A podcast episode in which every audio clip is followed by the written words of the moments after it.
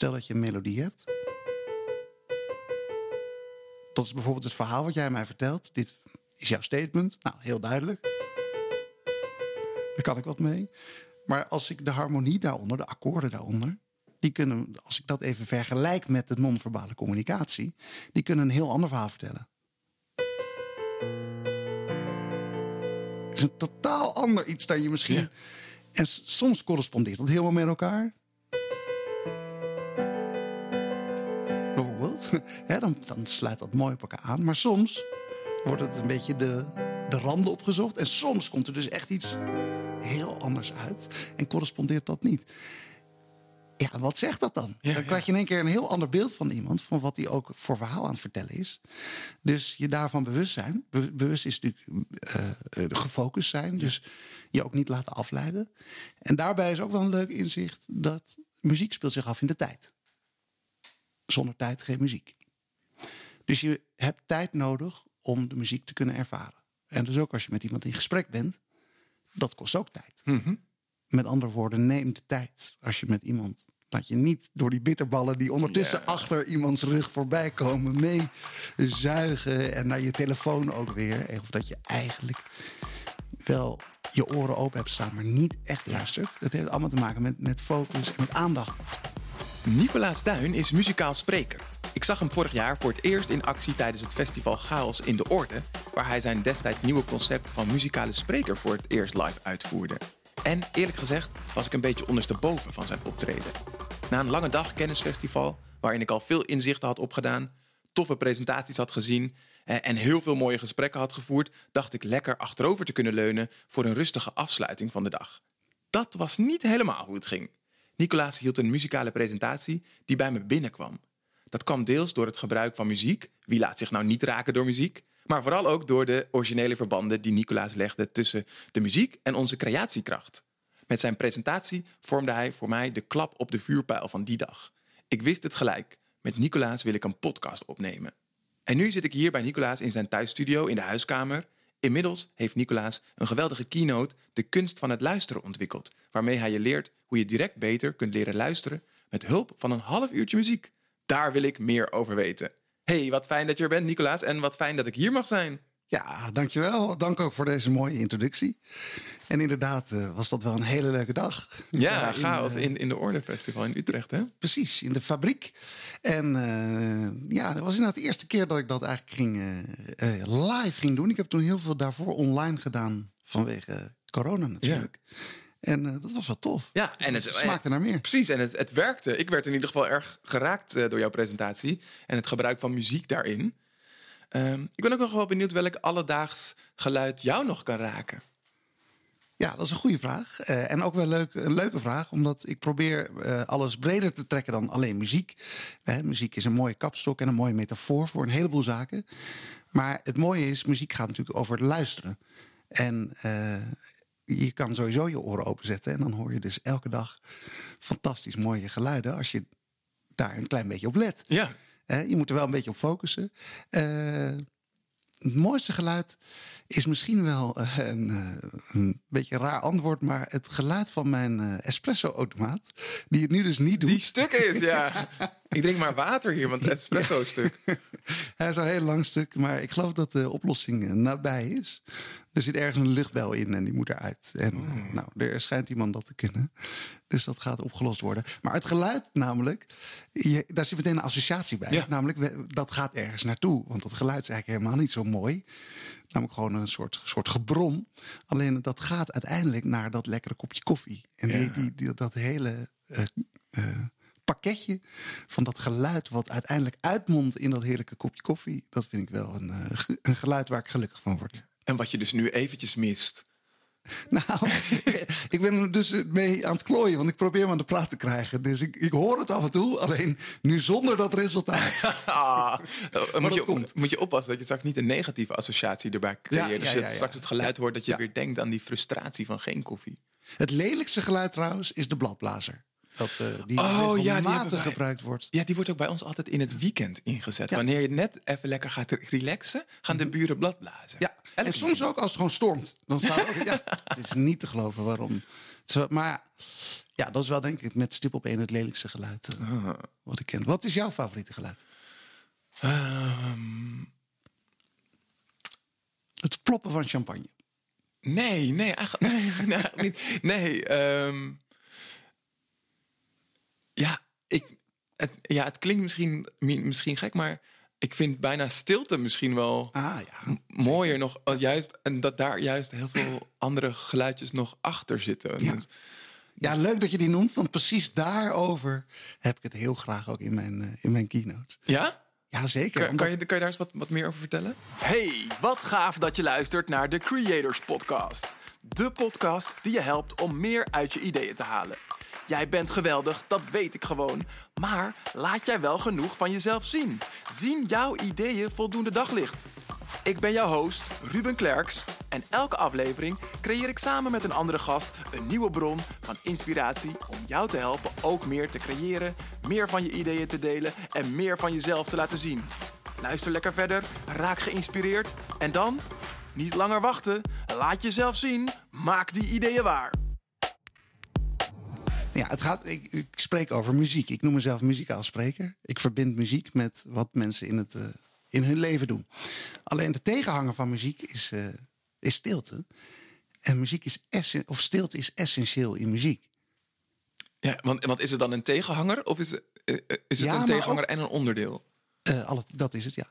En, maar daar, daar valt zoveel over te zeggen. Maar om te beginnen, eh, als je, ik zit achter de piano, hè, dus je hoort nu Ah, het pianogeluid. Alleen, ik speel een toon daar. En op een gegeven moment is die toon uitgeklonken. En nu wordt het spannend, want nu, in die stilte eigenlijk die daarna volgt...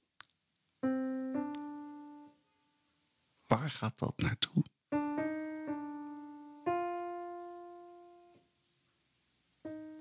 Dus juist tussen de noten Ja. zit eigenlijk meer spanning. En eigenlijk is dat misschien ook wel als we met elkaar in gesprek zijn. ja, want dat, dat is. We hebben natuurlijk een voorgesprek gehad. Dat is precies wat me zo interessant lijkt om ook te onderzoeken vandaag.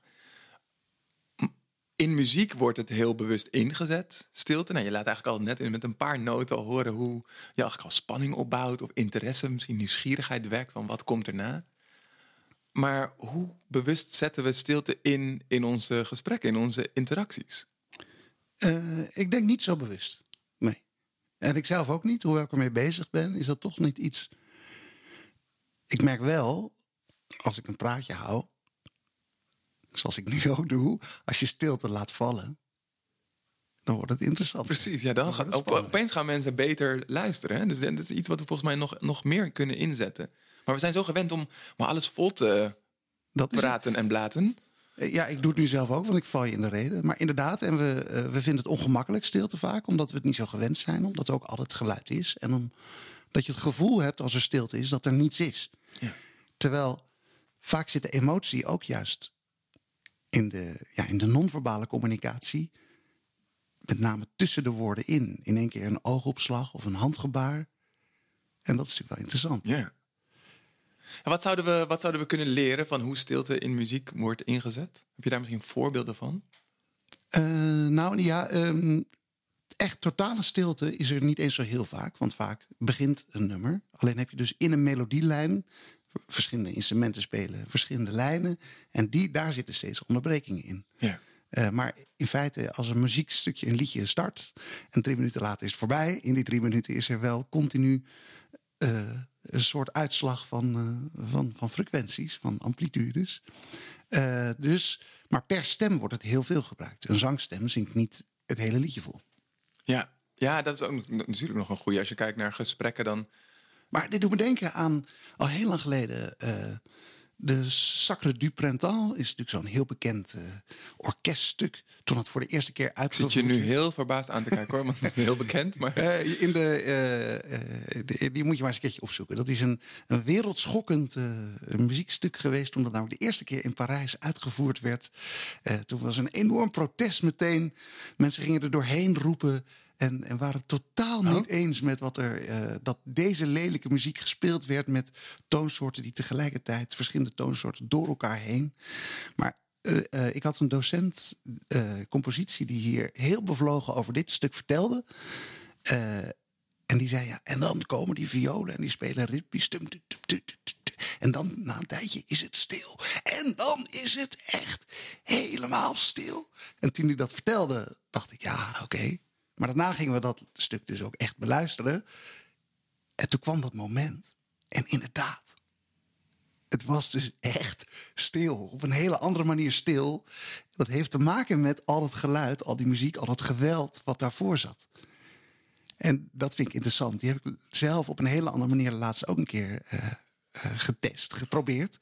Met een groep buiten in een tuin. Hele mooie zonnige zomerdag. En eh, toen gingen we het stil maken. En dan is het dus stil zonder dat het stil is. Want je hebt het Ja. geluid van die hele tuin.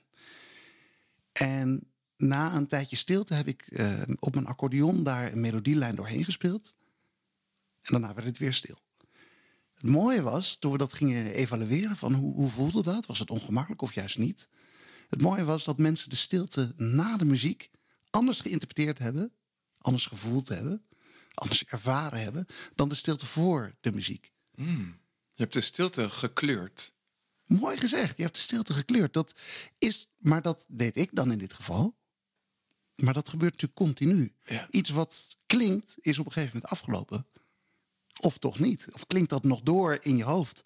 Iets wat misschien een minuut geleden is, maar ook wat een jaar geleden of vijf jaar geleden. Misschien spelen die dingen ook nog door. En dat bracht me bij dat het ook wel interessant is als je iets tegen iemand zegt. Dat dat dus een enorme impact kan hebben. Veel groter dan je op dat moment denkt. Of dat je op het goede moment een, eh, een aanzichtkaart stuurt. Of een, even laat, voor je laat horen. En dat, dat, dat, is, dat werkt door. Het is al lang geweest, het is al lang stil. En in die stilte zit nog alles wat daarvoor geklonken heeft. Ja. Ja, en wat me ook opvalt aan wat je zegt, is dat, dat je stilte hebt gemaakt. Terwijl je zou ook kunnen kijken dat juist Ah ja. stilte de basis is en dat we met ons praten de stilte verbreken. Ehm, Daar heb je helemaal gelijk in, dat is zo. Ja, dus, dus, Ja. dus dan is het op het moment dat je iets zegt en je dus inderdaad die stilte kleurt, Ja. dan, dan ontstaat er iets leuks en iets, en iets interessants en dan kan iemand daar weer op reageren. Ja. Er is nog één laatste ding wat, daar, wat ik daar ook wel, wel tof vind. Eh, namelijk, je hebt een zaal. Ik speel vaak in theaters eh, of in, in concertzalen mijn eh, muziek. En als die leeg is, is het stil. Alleen die stilte is totaal anders dan wanneer die gevuld is met mensen die stil zijn. Ja. Want dan zijn al die energieën daar in die zaal. En die in spanning en vol verwachting en ook zin hebben in dat, in dat optreden of dat concert. En die stilte van vlak voordat het begint, ja, dat is magisch. Wat, dat, dat is, en dat heeft ook echt zijn uitwerking op de muziek. Dat is een soort ja, geheim bijna, wat het publiek helemaal niet weet. Maar dat zij dus invloed hebben op de muziek die gaat klinken.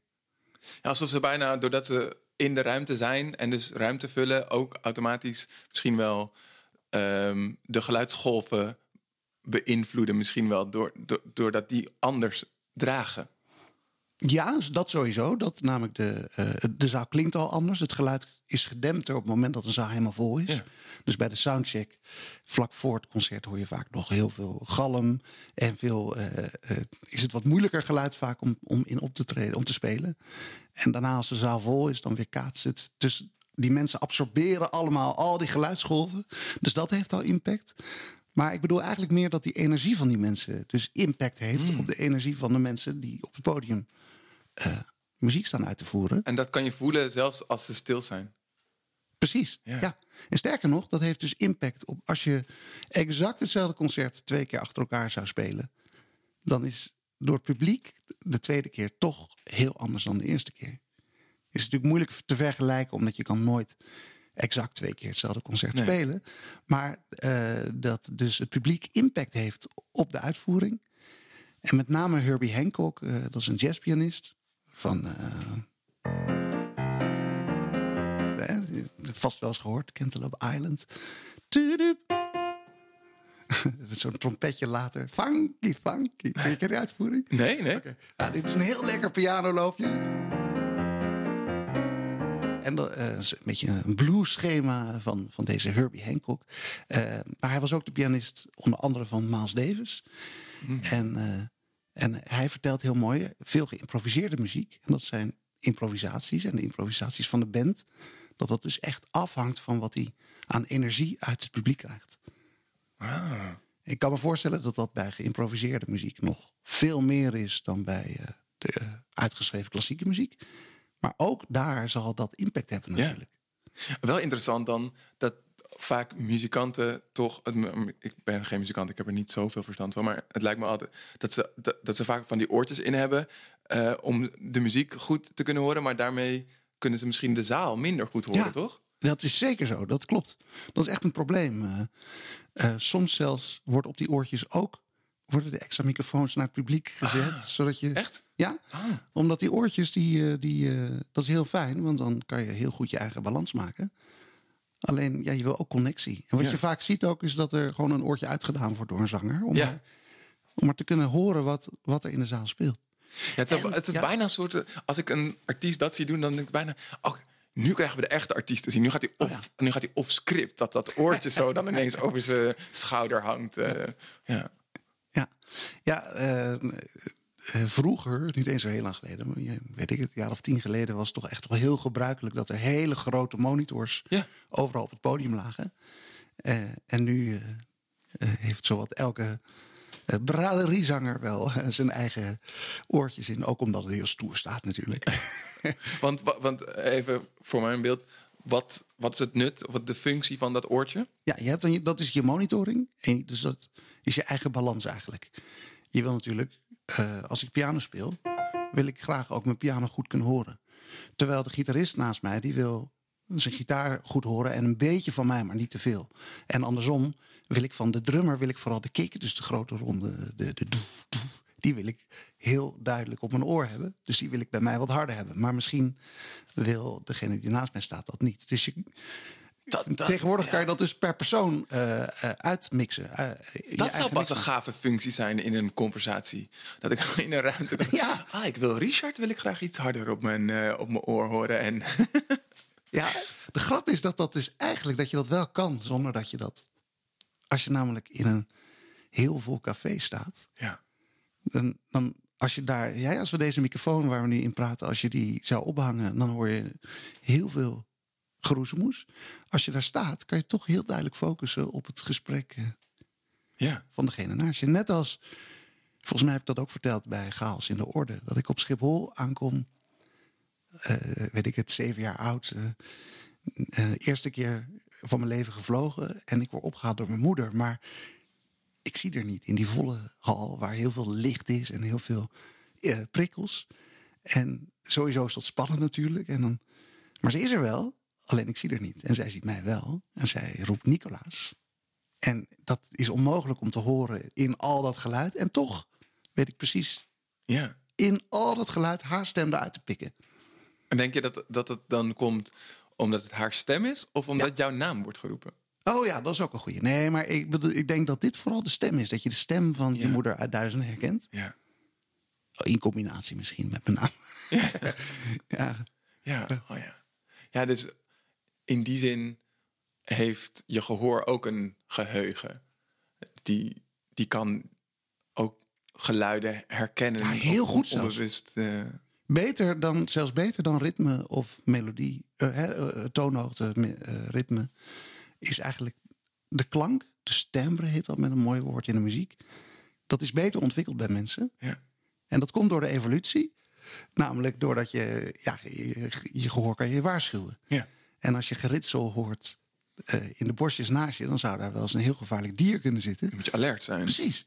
Dus dat gehoor staat continu eh, dag en nacht aan. Ook al heeft dat nu veel minder functie. Ja. Eh, of is het minder essentieel, minder levensbedreigend vaak. Maar daardoor is het wel heel erg goed ontwikkeld. En daardoor is denk ik ook dat je heel snel geraakt kan worden door die ene specifieke zanger. Die je dan ook meteen herkent.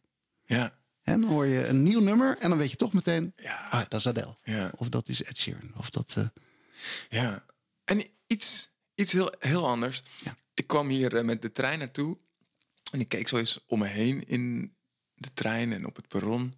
En dan zie je steeds meer mensen met van die eh, noise cancellation koptelefoons. Wat denk je dat het, dat, het, dat het doet? Dat we eigenlijk alle geluiden juist afsluiten En waar we in een publieke ruimte zijn, helemaal in die eigen kokon keren misschien wel. Ja, daarover, daar, daar heb ik zo'n mooie podcast gehoord. En jij als podcastliefhebber en misschien ook wel eh, luisteraars, een mooie tip. Moet ik wel even denken hoe die... The Last Sound heet het. En dat is van die vrij bekende serie Invisible nog iets. In, nou ja, als je The Last Sound intoetst, dan ga je denk ik wel vinden. En dat eh, gaat over een muzikant, een oude muzikant, die na zijn tijd. Eh, ik zie jou knikken. je Ja, ja, ja, volgens mij wordt hij wordt hij langzaam eh, doof of is dat, Nee, dat nee, een ander? andere Oké, sorry. Nee, hij gaat eh, opnames maken in de natuur. En ver weg van de, van, de, van de wereld. En hij ontdekt dat je aan het geluid kan horen hoe gezond het ecosysteem is. Wauw. Ja, want alle frequenties blijken bezet te zijn. En dat komt als je heel veel dieren bij elkaar hebt die communiceren. En bijvoorbeeld om hun prooi te vinden, of om elkaar te waarschuwen, of om eh, kikkers die synchroon kwaken, om eh, samen eh, één grote kikker te lijken voor de overvliegende ooievaars. En zo heeft iedereen zijn eigen kanaal ontwikkeld van die pakken zij. En een andere vogel zit dan net iets hoger. En een, en een groot dier zit daar dan weer net iets onder. Maar iedereen heeft dus zijn eigen frequentie in dat.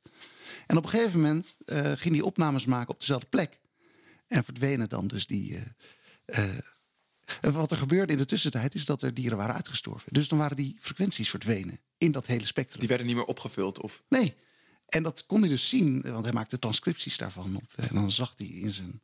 Het, het klinkt leger, maar ze missen ook. Dus kortom, je kan dan horen aan hoe vol het klinkt, aan welke frequenties er wel of juist niet zijn, hoe gezond het ecosysteem is. Wauw. En waar, eh, waar, waar- waar, waar naartoe? Sorry. Nee, wat, wat, om het, eh, hij had daar namelijk een hele mooie conclusie bij. Hij zegt dat komt, ja, een beetje een negatieve conclusie. Het komt door mensen, want die komen met helikopters overvliegen.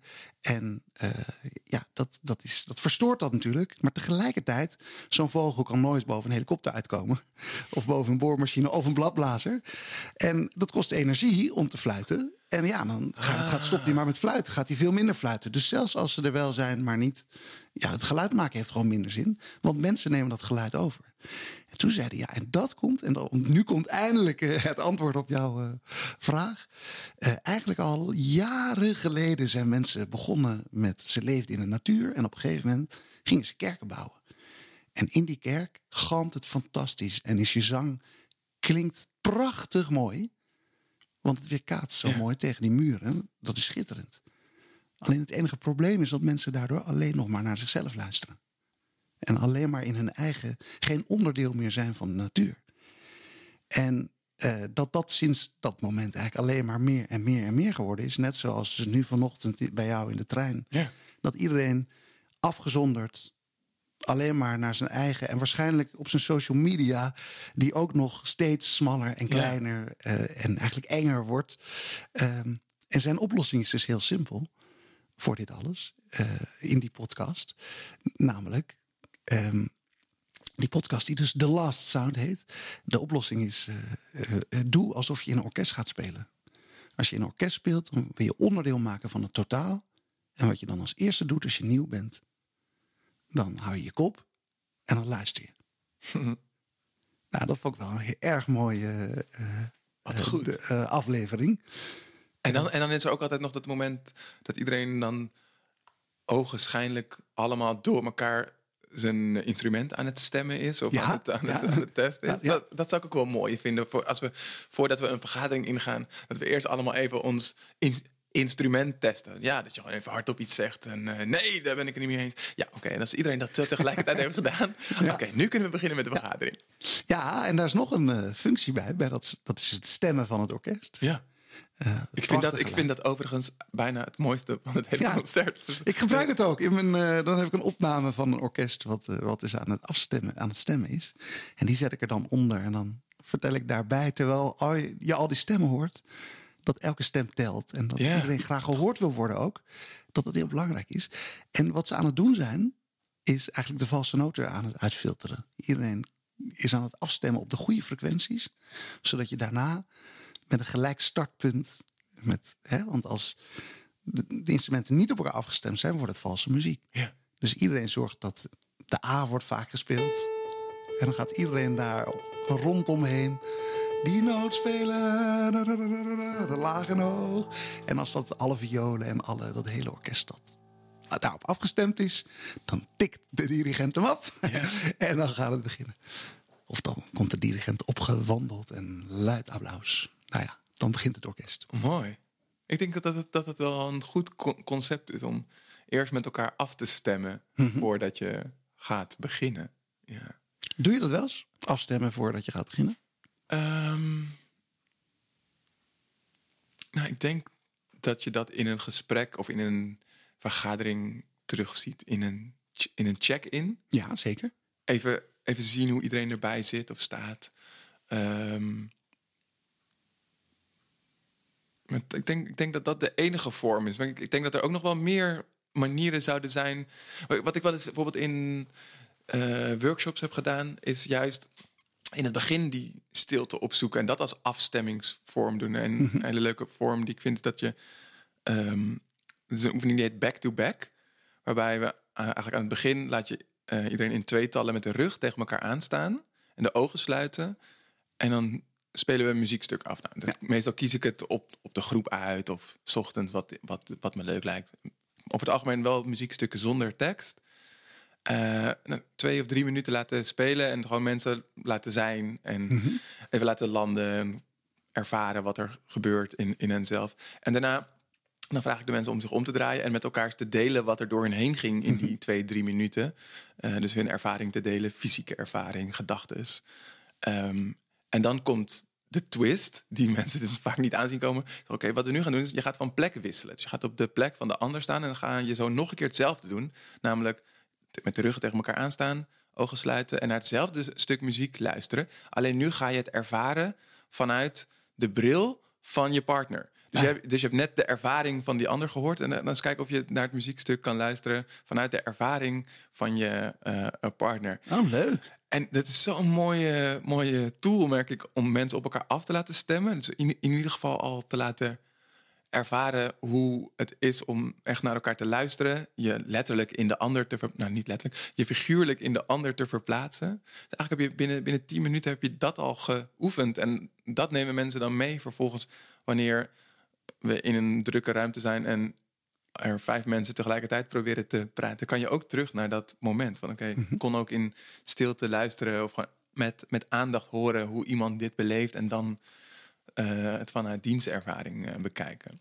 Dat, dat is ook nog een, een, een afstemmethode. Ja, en de, de- wat wel meteen, het lijkt me een hele goeie, die, waar ik meteen benieuwd ben of ik die ook misschien ooit eens eh, in zou kunnen zetten een keertje. Maar eh, vinden mensen het ongemakkelijk soms? Want dan eh, je met de ruggen tegen elkaar meteen aan het begin, dat kan ook ongemakkelijk misschien overkomen. Of eh, hebben mensen daar niet zo'n last van?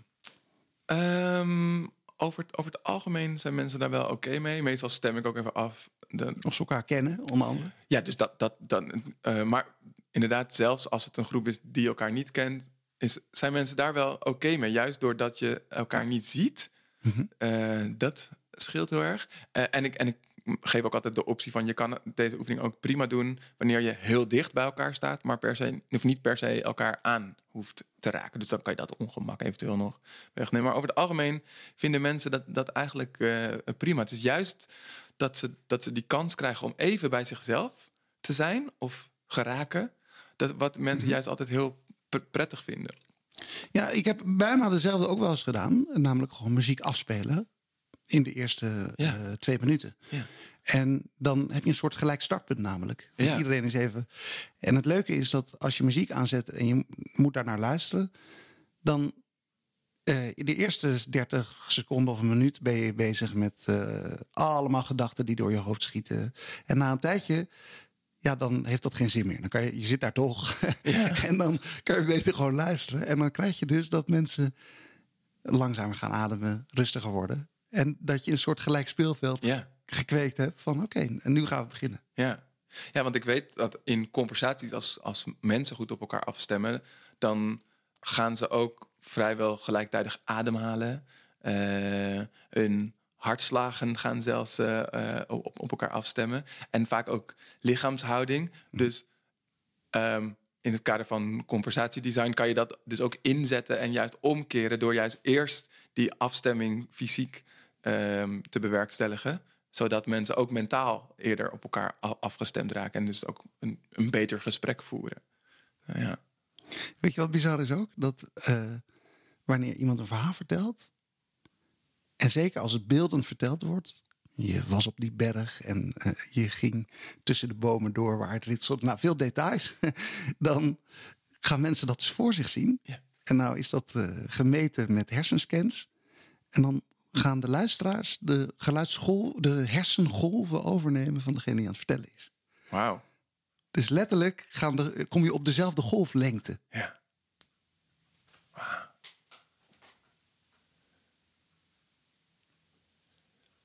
Je ziet het nu voor je.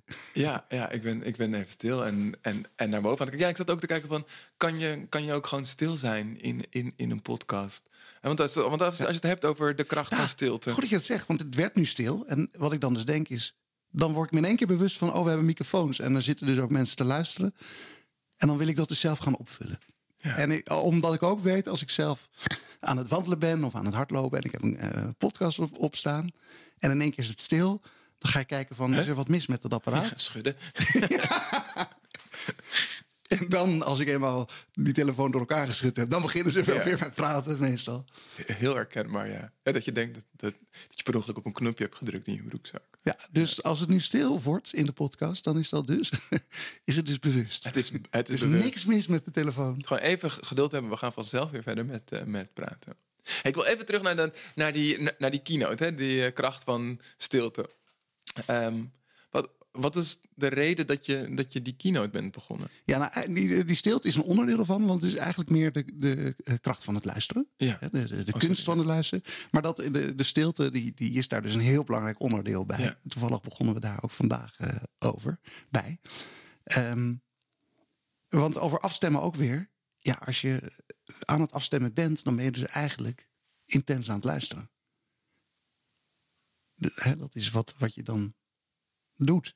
En muziek ervaar je door er naar te luisteren. Het kan achtergrondmuziek zijn, maar je kan ook actief luisteren naar muziek. Dan komt het vaak nog eh, heftiger binnen.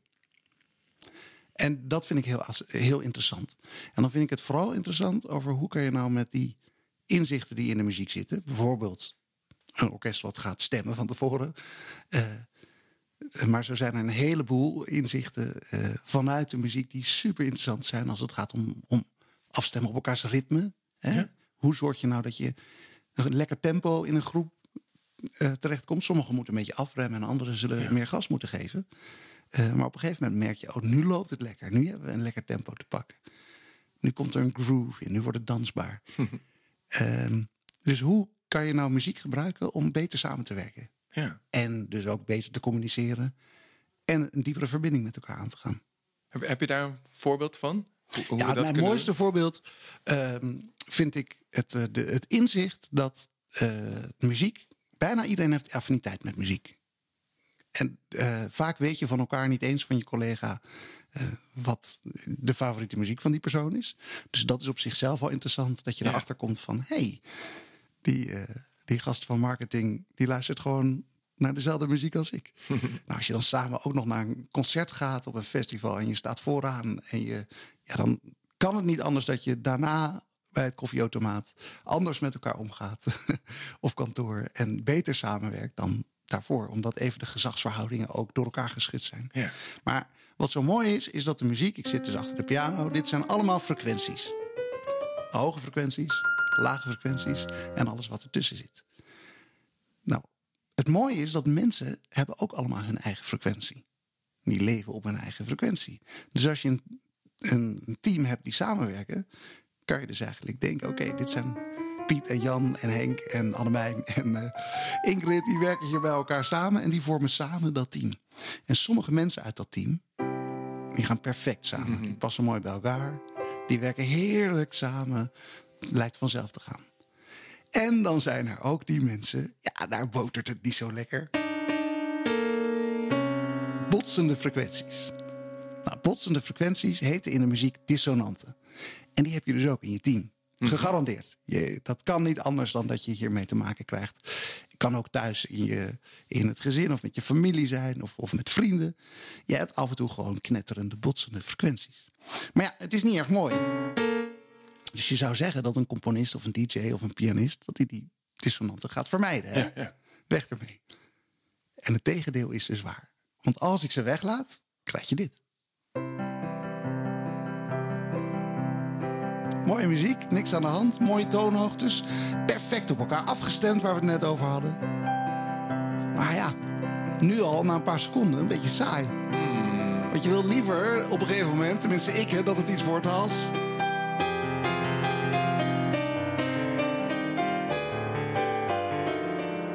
Bijvoorbeeld, nou, wat dit dus allemaal was, achter elkaar dissonante, botsende frequenties die daarna wel oplosten.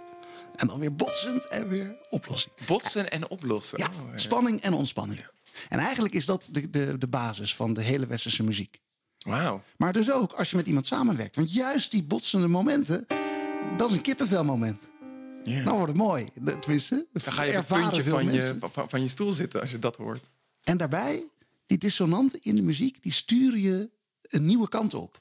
Want als ik dat niet doe, net wat ik zonder speelde, ja, dan blijf je in hetzelfde gebied hangen. Dan gebeurt er niks verrassends, niks nieuws. Terwijl als in één keer een dissonant daar doorheen komt, dan wil je misschien wel naar een heel ander gebied toe. Waar je anders nooit zou komen. Want waarom zou je van hier naar. naar dat is een onlogische Ja. stap. Dus, eh, dus dissonanten sturen je, eh, brengen je eh, ergens naartoe, brengen je verder. Dus ook dissonanten in een team. Die vervelende mensen, die, die als vervelend ervaren worden. Overigens is het dan ook nog grappig om te bedenken dat die frequentie op zichzelf niet vervelend is. Want als je hier een team hebt die lekker samenwerken en er zit één gast doorheen. Die is dan dus, wordt als, als dissonant ervaren. Maar diezelfde frequentie kan niets mee aan de hand zijn in een andere context. Wauw. Dus door de context te veranderen, is meteen ook eh, de dissonant een, heeft een hele andere functie gekregen. Een heel andere rol in dat team. Eh, dus het is de samenstelling van, van hoe mensen samenwerken.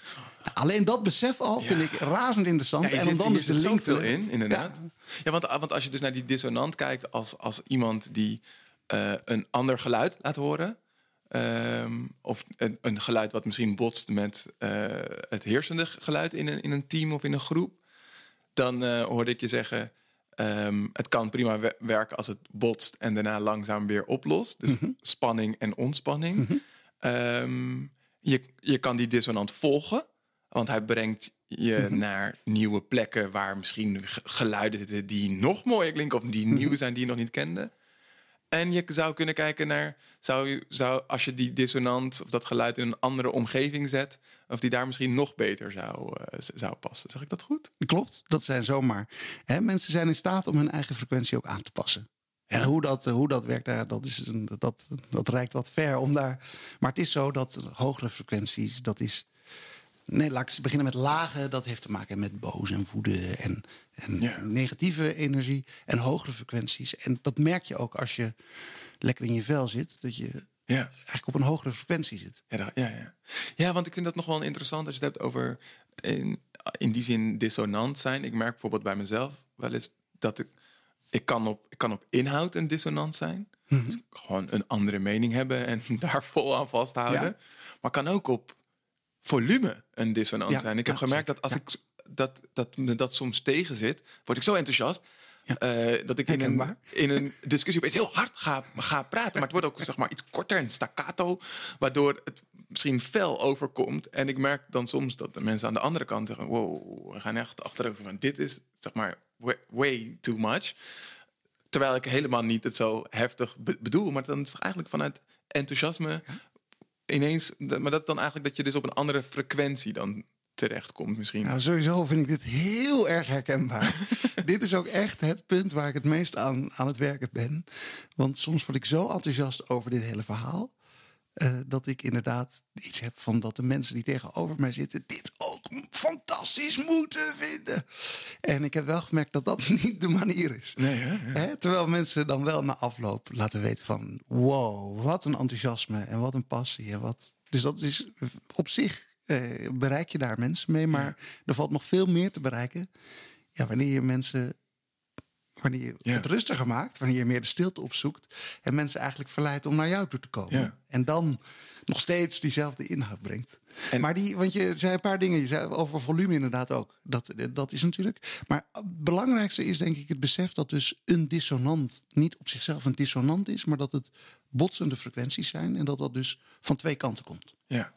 Dus het is niet dat één iemand het totaal verkeerd doet, het is de combinatie van die botsende frequenties die dus juist zorgen voor iets interessants. Ja, ja, ja. Eh, en dat is iets anders dan valse noten dus. Hè, die valse noten die zijn daar al uitgehaald bij het stemmen. En bij het afstemmen.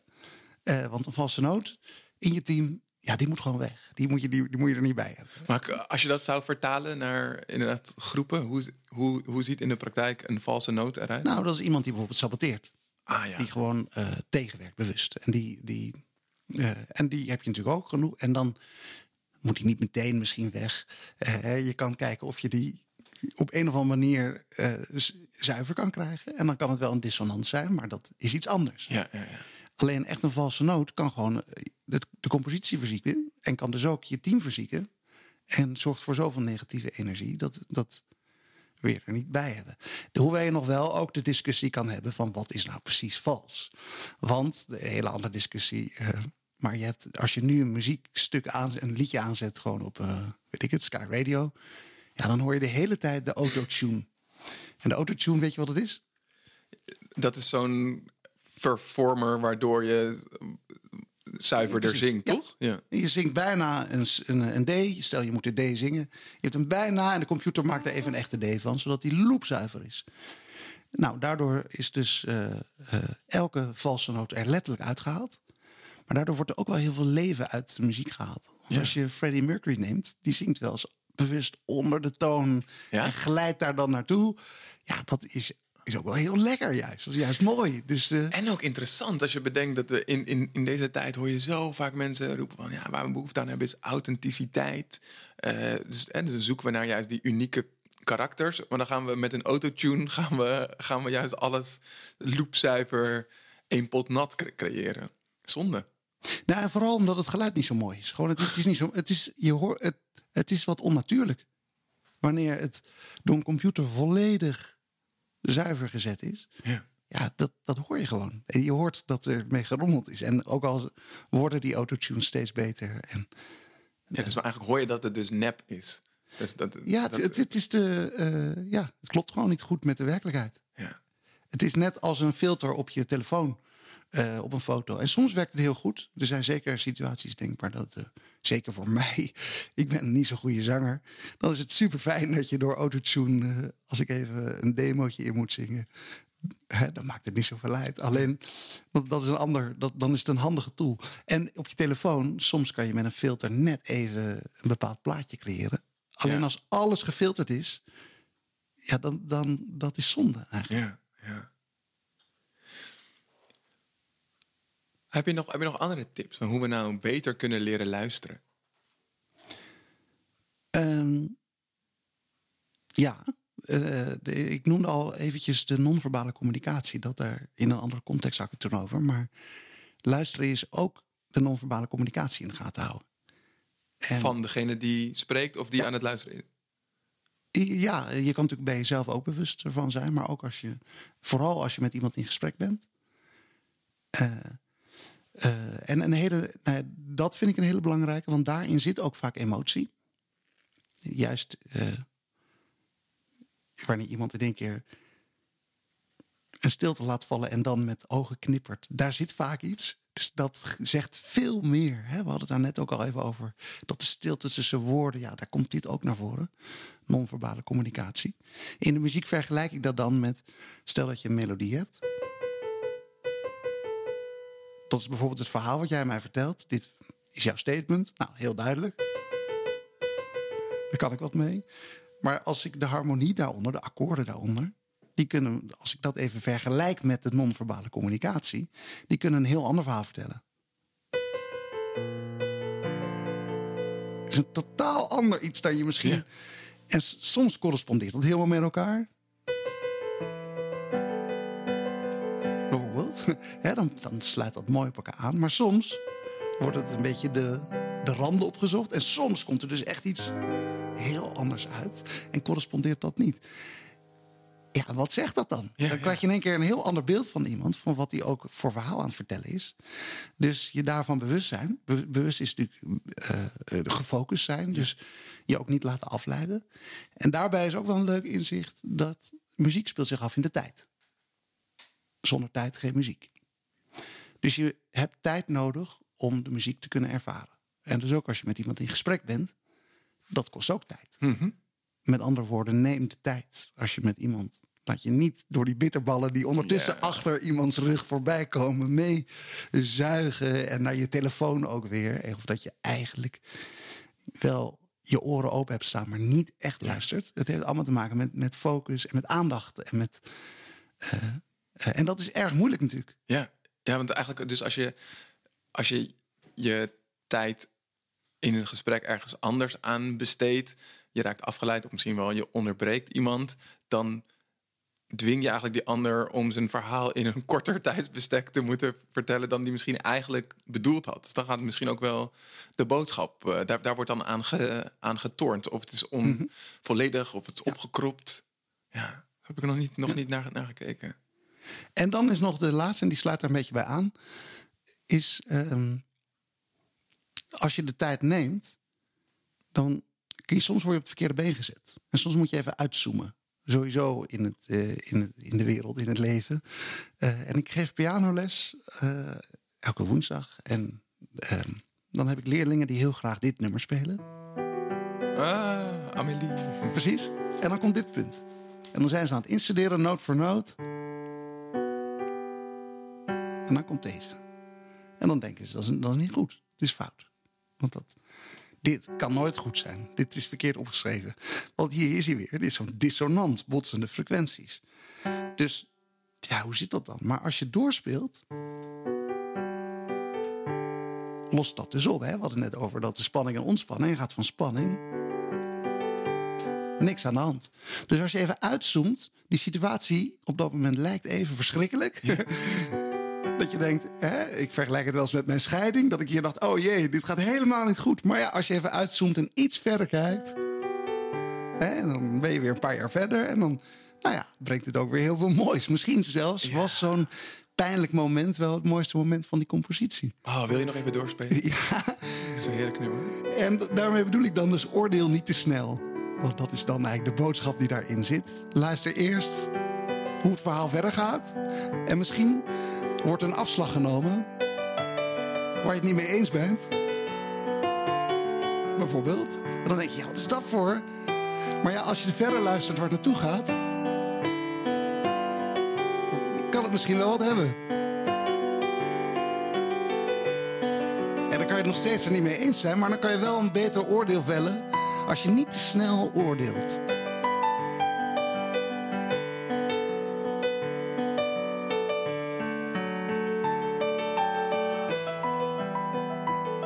Dat een erg mooi, mooi stukje, is het, hè? Ja, ik krijg tranen. Ja, dat is wat muziek kan doen.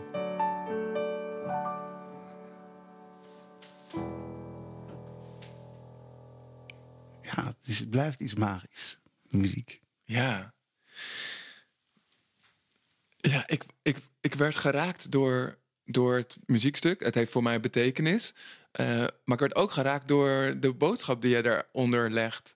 Eh, om geduld te hebben en niet te snel te oordelen. Want als je dus uitzoomt, dan kan, kan het ergens naartoe gaan waar jij het misschien niet verwacht. Dus het kan je ergens brengen waar jij nog niet wist dat je misschien kon komen. Dat, dat is, daar straalt ook een vorm van vertrouwen uit voor mij. Ja, ja, ja. Dat je, dat je, dat je in, de, in het moment durft te vertrouwen Ja. dat welke kant het ook opgaat, dat het oké is. ja.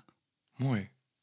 En eh, had, het heeft een bepaalde betekenis voor jou, sowieso, dit nummer? Ja, nou toen ehm, eh, Susanna en ik net verkering kregen, eh, toen, dit was een van de paar dvd's die zij had in haar, in haar kamertje in Leiden.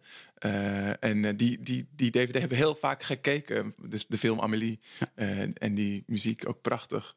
Eh, dus de, de- als je dit speelt, dan zit ik meteen weer op dat veel te kleine groene bankje eh, eh, in, in de middagzon, eh, omdat we lekker aan het bank hangen zijn en deze film aan het kijken zijn. Ja, ja, dat is ook zo'n kracht van muziek, hè? Dat het je uit dit moment kan halen Ja, en ergens anders terug in de tijd kan brengen bij een herinnering. Terwijl je tegelijkertijd volledig in dit moment bent. ja, Dat is, dat is vind ik fascinerend hoe dat Ja. werkt. Er is bijna niets anders wat zo snel eh, je mee kan voeren, letterlijk, als muziek. nee, inderdaad. Ja, En eh, ehm, de, de, de- de- nu dus een paar jaar verder, over, over, je had het over eh, het vertrouwen. Want jij zelf staat nu op het punt om, om een enorm eh, avontuur aan te gaan. Ja, waarschijnlijk tegen de tijd dat eh, deze aflevering wordt uitgezonden, dan eh, zijn wij geëmigreerd naar Zweden. Ja. Ja, dat, dat hoorde. Ja, we, eh, na chaos in de orde hebben we elkaar kort gesproken. Maar ik, ik ken je dus alleen maar via jouw podcast onder andere. Ja. En, maar ook omdat je op social media geschreven had dat je dit, dit avontuur met je gezin aangaat. ja. Wat tof. Wat Ja. goed dat je die stap ja, durft te zetten. En dat je dat vertrouwen dus hebt. Ja, dat is, dat is één groot proces van eh, allerlei tonen aanslaan. en er maar op, op vertrouwen dat wat je hebt bedacht eh, klopt. Nee, het is voor mij heel erg. Ik, ik denk als ik het vergelijk met hoe mijn leven eh, er voor Zweden uitzag en ziet. ehm, dat, het, dat het in die zin een vrij bekend muziekstuk voor mij is. En Ja. dat ik weet, oké, nou, globaal weet, als ik, als ik nu dit akkoord aansla, dan volgt dit akkoord. En Ja. nou, misschien dat er nog een keertje even een, een andere toon tussendoor. Maar ik kan redelijk inschatten wat er gebeurt. En ehm, de hele droom om veel meer in de natuur te leven, buiten te zijn, onze kinderen meer in de natuur ook eh, te kunnen laten opgroeien. Dat, dat is eigenlijk een heel ander geluid, waarvan ik heel lang heb geprobeerd om dat zeg maar, binnen de bestaande symfonie eh, in te brengen. En dat, ja, dat lukte ons niet. Dus toen dachten we van, ja, dan, dan is er eigenlijk nog maar één ding op. Als we, als we dit echt, echt willen, dan... eh, ja, dan Want het- de natuur is vooral de aantrekkingskracht. ja, ja, dus de natuur en de ruimte. Ehm, en meer nog, in Nederland heb je ook natuur. Je hebt overal natuur. Maar ehm, in tegenstelling tot alle omhekte ruimte die we in Nederland hebben, die eh, eigenlijk relatief klein is. Je kan niet ehm, eh, een, een, nou, meer dan 10 kilometer lopen of je komt wel echt bij een, eh, bij een grotere weg. Nou, dat, dat in, in Zweden zulke uitgestrekte bossen en meren. Ja, dat, dat, dat vind ik echt prachtig. En dat, dat brengt bij mij heel veel rust. En ja, ik denk dat het ook gecombineerd is gegaan met ehm, een stuk zoektocht naar zingeving. Van wat, wat ben ik eigenlijk aan het doen? En Dat heel erg nog versneld tijdens corona. Ehm, en dat, dat, dat mensen het erover hadden van over vitale beroepen. Ja. En, en nou, mijn beroep als trainer of als facilitator. Nou, ik vind het wel belangrijk, maar het is zeker niet vitaal. Mensen kunnen ook prima zonder, zonder dat beroep. Heeft, heeft heel erg nog versneld dat ik daarover na ging denken van... oké, maar wat ben ik nou eigenlijk aan het doen? De- wat, wat zijn we alle, allemaal aan het doen? Dat we, dat we heel hard aan het werk zijn. eh, dingen doen die we heel vaak niet eens echt leuk vinden. eh, om geld te verdienen, om een bepaalde leefstijl in stand te houden. eh, die, we, die we misschien ook helemaal niet eh, eh, ambiëren. eh, of waar we maar ooit een keer in zijn gestapt. En eh, vooral dat erover na gaan denken van... oké, maar hoe wil ik nou echt leven? Wat vind ik echt belangrijk? En wat is daarvoor nodig? Ja, dat, dat kwam eigenlijk op van... eh, ja, ik hoef helemaal niet meer elke dag eh, trainingen te geven. Eh, ik wil gewoon lekker buiten aan mijn tuin werken en Ja. in, het, in, het, in het bos bezig zijn. Dus ik kan, kan werken om geld te verdienen om elektriciteitsrekening te betalen, maar kan ook ehm, zelf mijn kachel stoken, eh, met hout bijvoorbeeld. Dat is een voorbeeld waarbij je eigenlijk veel directer contact hebt met wat je aan het doen bent. Dat, is, daar- dat speelt echt heel mee. Ja, en dat klinkt allemaal heel eh, plausibel. En toch is het eh, gewoon een dappere stap om alles in je land achter te laten en naar een land waar je de taal niet spreekt. En gewoon een nieuw avontuur in te stappen. Ja, En daardoor wel heel erg interessant natuurlijk. ja. Dat ook met, je, met je gezin aan te gaan. Ja, ja ik voel me ontzettend eh, bevoorrecht dat, dat we dit ook samen kunnen doen en, willen. Want Nou, ik denk dat eh, heel veel mensen het kunnen. Alleen eh, dat heel veel mensen het misschien ook nog zo wel zouden willen. Maar dat de meeste mensen het niet durven. nee. Ja, zou het, zou, zou het durf zijn inderdaad? Want, want inderdaad, eigenlijk de meest gehoorde reactie op deze stap is inderdaad van, oh wat dapper. En ook, oh jullie gaan dit gewoon doen. dat, ze- dat vind ik zo opvallend dat ze het woord gewoon gebruiken. Want Ja, dat is. eh, ja. Want, want, want wat spreekt jou er zo in aan? Eh, nou, omdat je veel mensen wel hoort over... ik zou een avontuurlijke leven wel willen hebben. En, eh, of die mopperen over hun baan of over hoe het gaat in het leven. Maar ja, je, je kan ook inderdaad het heft in eigen handen nemen. En, en een, nieuw avontuur aangrijpen. En dat, dat eh, zou inderdaad zomaar kunnen mislukken. Nou ja, kom je Ja. weer lekker terug. En dan komt het ook wel goed. Eh, of het wordt de beste stap die jullie eh, hadden kunnen Ja. bedenken. Nou, wat ik heel erg heb geleerd, ook mede uit al die opnames voor de Creators Podcast, is dat er zit iets magisch in iets creëren. Namelijk dat je, dat je, dat je zelf iets maakt. Dus jij kan je iets voorstellen. Dat, dus het begint bij een idee. Ehm, en dat idee kan je vervolgens werkelijkheid maken. Daarom, ik heb zoveel bewondering voor jou en andere muzikanten, omdat jullie iets kunnen, nou, wat ik absoluut niet kan, eh, maar wel zou kunnen, kunnen, kunnen leren. Daar ben ik me van bewust. Maar, Dus dat je in je hoofd een beeld kan hebben van, eh, oké, dit zou gaaf zijn om zo'n stuk te maken. En dat je dat dan ook letterlijk uit je vingers kunt krijgen. Dus dat is, dat is super, super gaaf. En ik denk dat heel veel mensen dat ook willen en zoeken. Maar tegelijkertijd is het ook iets heel spannends, omdat dat creëren betekent ook dat je loslaat of dat je uit een omgeving stapt waar dingen voor jou zijn gecreëerd. Het is ook makkelijk om je te kunnen ehm, verschuilen achter of berusten in ja, dat de situatie nou eenmaal zo is. Eh, of eh, ja, ik heb, nou, ik heb nou eenmaal dit werk nodig om brood op de plank te krijgen en voor mijn gezin te kunnen zorgen. Dus als je zoiets bedenkt en het dan ook gaat doen, dan loop je het risico dat het gaat mislukken. Maar misschien nog wat mensen denk ik nog veel spannender vinden. Je loopt ook het risico dat het kan lukken. Ja. Oh, mooi gezegd. Ja. Ja, en wat er dan kan gebeuren, ja, dat is. Ik denk dat, dat mensen soms nog banger zijn voor hun eigen grootsheid Ja. dan voor hun eigen falen. ja. Oh, dat geloof ik wel, ja.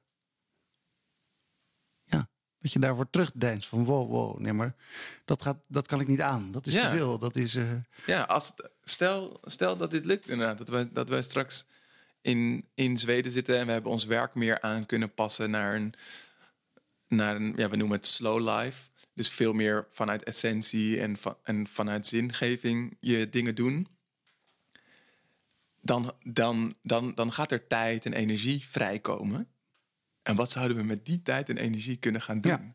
Dus, en daar, daar kan ik me nu nog niet een voorstelling van maken. Wel leuk die, dat je dat, die, die voorstellingen, dat je dat ook koppelt aan eh, bijvoorbeeld muziek maken, maar sowieso bij eh, de Creators Podcast in het algemeen. Eh, daar lees ik nu ook wel een interessant boekje over. Eh, over ja, wel een beetje mijn, mijn vakgebied. Het heet Toekomstmuziek van Arthur Jaske. En dat is een, eh, een neurowetenschapper hier uit Nederland. En dat gaat over improviseren en de kracht van improviseren. En heel veel mensen denken ten eerste dat ze niet muzikaal zijn. En ten tweede dat ze niet kunnen improviseren. En zijn stelling is: ja, maar iedereen kan improviseren, want dat is wat je de hele dag aan het doen bent. Ja. Als je bij de bakker naar binnen loopt, dan ben je aan het improviseren eh, over hoe je dat brood gaat bestellen. Dus dat kan je gewoon. Ja. Want dat, kun, dat is nu eenmaal iets wat mensen kunnen. En je bent een mens, dus dat kan je. En muziek maken is dan eigenlijk dan wat dat betreft next level. Daar bij mensen denken mensen sowieso, ja nee, maar ik ben echt niet muzikaal. En, eh, eh, ik, ik ga niet meezingen en ik ga zeker niet mee. Ik kan dat niet. Ik heb geen ritmegevoel. Ik kan niet dansen. Eh, en dat is echt kennelijk iets wat in de westerse cultuur speelt en verder nergens anders. En zelfs in de westerse cultuur, baby's, ja, die zet muziek aan en ze gaan mee bewegen. Ja. Dus het zit gewoon in alle mensen. Alleen in alle culturen, behalve de westerse cultuur, als er muziek wordt gemaakt, nou dan doe je mee. Dat is zoiets als ademen en Ja. eten. En eh, dan ga je bewegen. En, en het maakt niet uit of je het kan of niet. Dat is gewoon een sociaal gegeven. Terwijl in de westerse wereld is dat toch, muziek maken is voorbehouden aan mensen die daar ja, op zijn minst eh, conservatorium Ja. voor gedaan hebben. En jaren studie op hebben zitten. En, eh, en pas dan mag je misschien, eh, of je moet de voice gewonnen hebben. En pas dan mag je, heb je het recht om, Ja. om muziek te maken. Hoe zou, dat, hoe zou dat komen, denk je? Dat, dat, ja, dat we, dat is cultuur. En ook wel, dat is natuurlijk ingegeven door schaamte voor een groot deel. En dat je gaat afstemmen op alle mensen. Wat doen die om je heen? En het is toch wel heel raar als jij in één keer heel hard gaat zingen. Dus dat doe je dan niet. Terwijl als iedereen dat doet, ja, dan ga je mee. Dus dat, dat is gewoon zo eh, qua cultuur in de loop der jaren opgebouwd en doorgegeven. En ook dat je stil bent aan tafel. Dat je geen liedje gaat zingen aan tafel. Dat is mij ook, eh, mij ook geleerd. Ja? Misschien ook wel terecht in, in de zin van... het is goed om af en toe een beetje rustmomenten te hebben. Aan de andere kant, eh, het is juist goed als mensen zoveel mogelijk muziek maken. Want, en tekenen en alle dingen die eh, raken aan het creatieve. Want inmiddels is er ja, voldoende bewijs dat dat eh, zo'n positieve impact heeft... op je hersenen, op je leven, op je, eh, op je geluksgevoel. Ja, ja. Hoe zouden we nou meer mensen aan muziek maken kunnen? Ja, en, Ja, dat is best moeilijk hoor. Dat is, eh, want ik merk het ook in mijn sessies. En daarom vroeg ik ook, is het niet ongemakkelijk als mensen met hun rug tegen elkaar en dan Ja. muziek moeten luisteren? Gelukkig zei je daar, nee, dat, dat valt eigenlijk reuze mee. ja, ze hoeven daar nog niet muziek te maken of te dansen. Er zit een enorme drempel, dat klopt. Ja, En ook bij mezelf, hè. als ik zelf. eh, eh, ik hou erg van het liedje van de Dijk. Muzikanten dansen niet. Die staan lekker aan de bar achterin en die, eh, die lopen te kanker op het geluid Ja, wat niet ja. goed is. is, is eh, zijn teksten uit dat liedje. En eh, ik merk dat ze ik, die dansen doe ik niet zo snel. Ik denk dan nee, dat kan ik niet. En, en pas als ik genoeg vertrouwen voel, daar zit hij in, hè? vertrouwen. ja. Denk ik. Ja want ho- hoe, hoe zou het voor jou zijn om bijvoorbeeld zo'n podcast als deze zonder je muziekinstrumenten op te nemen? Ik zie namelijk ook Oh, dat ja. je lekker comfortabel daarin bent. Dit is, Ja, dit, oh ja. dit is jouw ver- vertrouwensplek, lijkt het. Ja, maar ik heb ook geen, geen problemen mee om hem eh, niet aan te slaan. Maar En ondertussen dat, doe je het wel. ja, ja, ja. ja. Eh, overigens, gek genoeg, voel ik me lekkerder op mijn plek nu als, als spreker over muziek dan in de tijd. Ik doe het nog steeds. Ik ben nog steeds ook. hè, morgen mag ik ook weer lekker de hoort op. En een heel tof optreden. Maar het, eh, dat spreken voel ik me eigenlijk meer op mijn gemak. Want daar waar ik als muziek, als muzikant toch altijd ook een stemmetje heb gehad van ja, maar je bent eigenlijk niet goed genoeg. En, en eh, eh, Oh ja. je maakt te veel fouten. En je hebt je niet goed genoeg voorbereid. En, Toch ook dat, dat, Ja. dat, datzelfde cultuurding erin. Ja. ja. Ja, En, en speelt er nog in mee? Eh, Maar als spreker heb ik dat dus helemaal niet. Daar, val- daar valt ongelooflijk veel te leren nog voor mij. Maar daar spring ik met vol enthousiasme in. En dan voel ik me volledig op mijn gemak met de piano binnen handbereik. Ja. Dus dan, dan wordt eigenlijk het beste uit twee werelden komt dan samen. En dat doet mezelf enorm veel goed. Mooi. Ja, nou dat heb ik ook gezien. Dat heb, ik heb je live in actie gezien. En, en ik zie je hier nu, nu ook. Dat telkens wanneer je zo bevlogen over die muziek spreekt en ermee, ermee bezig bent, dat, eh, die, eh, ja, dat, dat spat er vanaf, dat enthousiasme. Dankjewel, uh, Nicolaas. Nou, heel graag gedaan. Cool. We zijn aan het einde gekomen. Ja, of wil je nog iets kwijt? Eh, nee, nou, we zijn ook inderdaad al best wel een tijdje aan het babbelen. Ja. Eh, ik vond het wel een heel leuk gesprek. Ja, vond ik ook. Vond ik ook. Heb, je, heb, heb jij het idee dat je alles hebt kunnen zeggen wat je wilde zeggen? Ik denk het wel, behalve eh, dat laatste onderwerp vind ik wel heel interessant over. Want ook die Creators Podcast, eh, dat gaat natuurlijk ook over de mensen die luisteren, aanzetten van. eh, hey, je, je benoemt het ook letterlijk in je intro. Van eh, ja, jij ook. Ja, ja. Dus ik vind het een interessante vraag hoe we mensen. daar heb ik geen antwoord op hoor. Maar hoe, hoe je de drempel kan verlagen om ja, van het stigma af te gaan van ik ben niet muzikaal en ik kan het niet. Ja, Ja, precies. Want muzikaliteit is natuurlijk ook, wat mij betreft, al dat je gevoel hebt voor muziek. En dat heeft bijna iedereen volgens mij. Ja, En eh, als je gevoel hebt voor muziek, ben je dus muzikaal. ja. Dus als het je. ja en, nou, en wat ik ook nog interessant Alleen mensen denken dan meteen, ja, maar je moet een instrument kunnen bespelen Precies. en je moet eh, zuiver kunnen zingen. Maar dat is helemaal niet waar. Je hebt gewoon gevoel voor muziek, want je houdt ervan, je wordt er gelukkig van. Het heeft een positieve invloed op je leven. Ja. Nou, ja, en, je, en je kunt natuurlijk ook met muziek bezig zijn zonder per se muziek te hoeven maken. Eh, toch? Bedoel, Ja, en daar zit misschien ook wel, je bent gewoon, als je muziek maakt, laat je natuurlijk je horen. ja. Laat je je stem horen. Of eh, via, in, in, indirect bijvoorbeeld via een instrument. Maar als je ehm, in de auto kan je misschien keihard meezingen Ja, ja. en daar enorm gelukkig van worden. Als iemand naast je zit, doe je dat misschien niet. Nee. Nee, grappig is dat. Ja, en ik denk dat, dat, er, dat er ook nog... Maar, zo- sorry dat ik je onder, maar als je dat dus wel doet, of als je samen bij dat concert vooraan mee staat te blaren, dan ga je de, krijg je dus een diepere verbinding met degene die naast je in de Ja, auto ja, zit. oh, nou, of degene oh, die naast enorm. je. Ja, ik weet nog dat ik 18 of 19 was en tijdens mijn studie gingen we naar de Pyreneeën en ik reed samen met eh Raymond, een van mijn klasgenoten destijds. En we reden met z'n tweeën en we hebben denk ik vier uur lang tijdens de rit hebben we de eh, all-time greatest hits van eh, Aretha Franklin eh, live naar het Nederlands vertaald. Nou, wij kunnen allebei echt niet zingen. Hij een Hagenees, ik een Amsterdammer. En dan ehm, eh, eh, eh, keihard elk nummer kijken of je gewoon letterlijk de Nederlandse tekst eroverheen kan zingen. Dus we hebben vier uur genoten van Anita Franklin. En ik denk dat we, dat we twee jaar bij elkaar in de klas hebben gezeten, maar wel door dat moment hadden we zo'n verbondenheid daarna. Dus dat kwam dat we eigenlijk samen aan het zingen waren, samen aan het spelen waren eigenlijk. Ja, tof. Ja. Vrijheid! Vrijheid!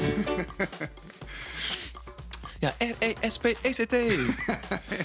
Oh, leuk. Toon me wat het betekent voor jou. Ja. Nou, lijkt me een mooi einde. Ja, dat is goed.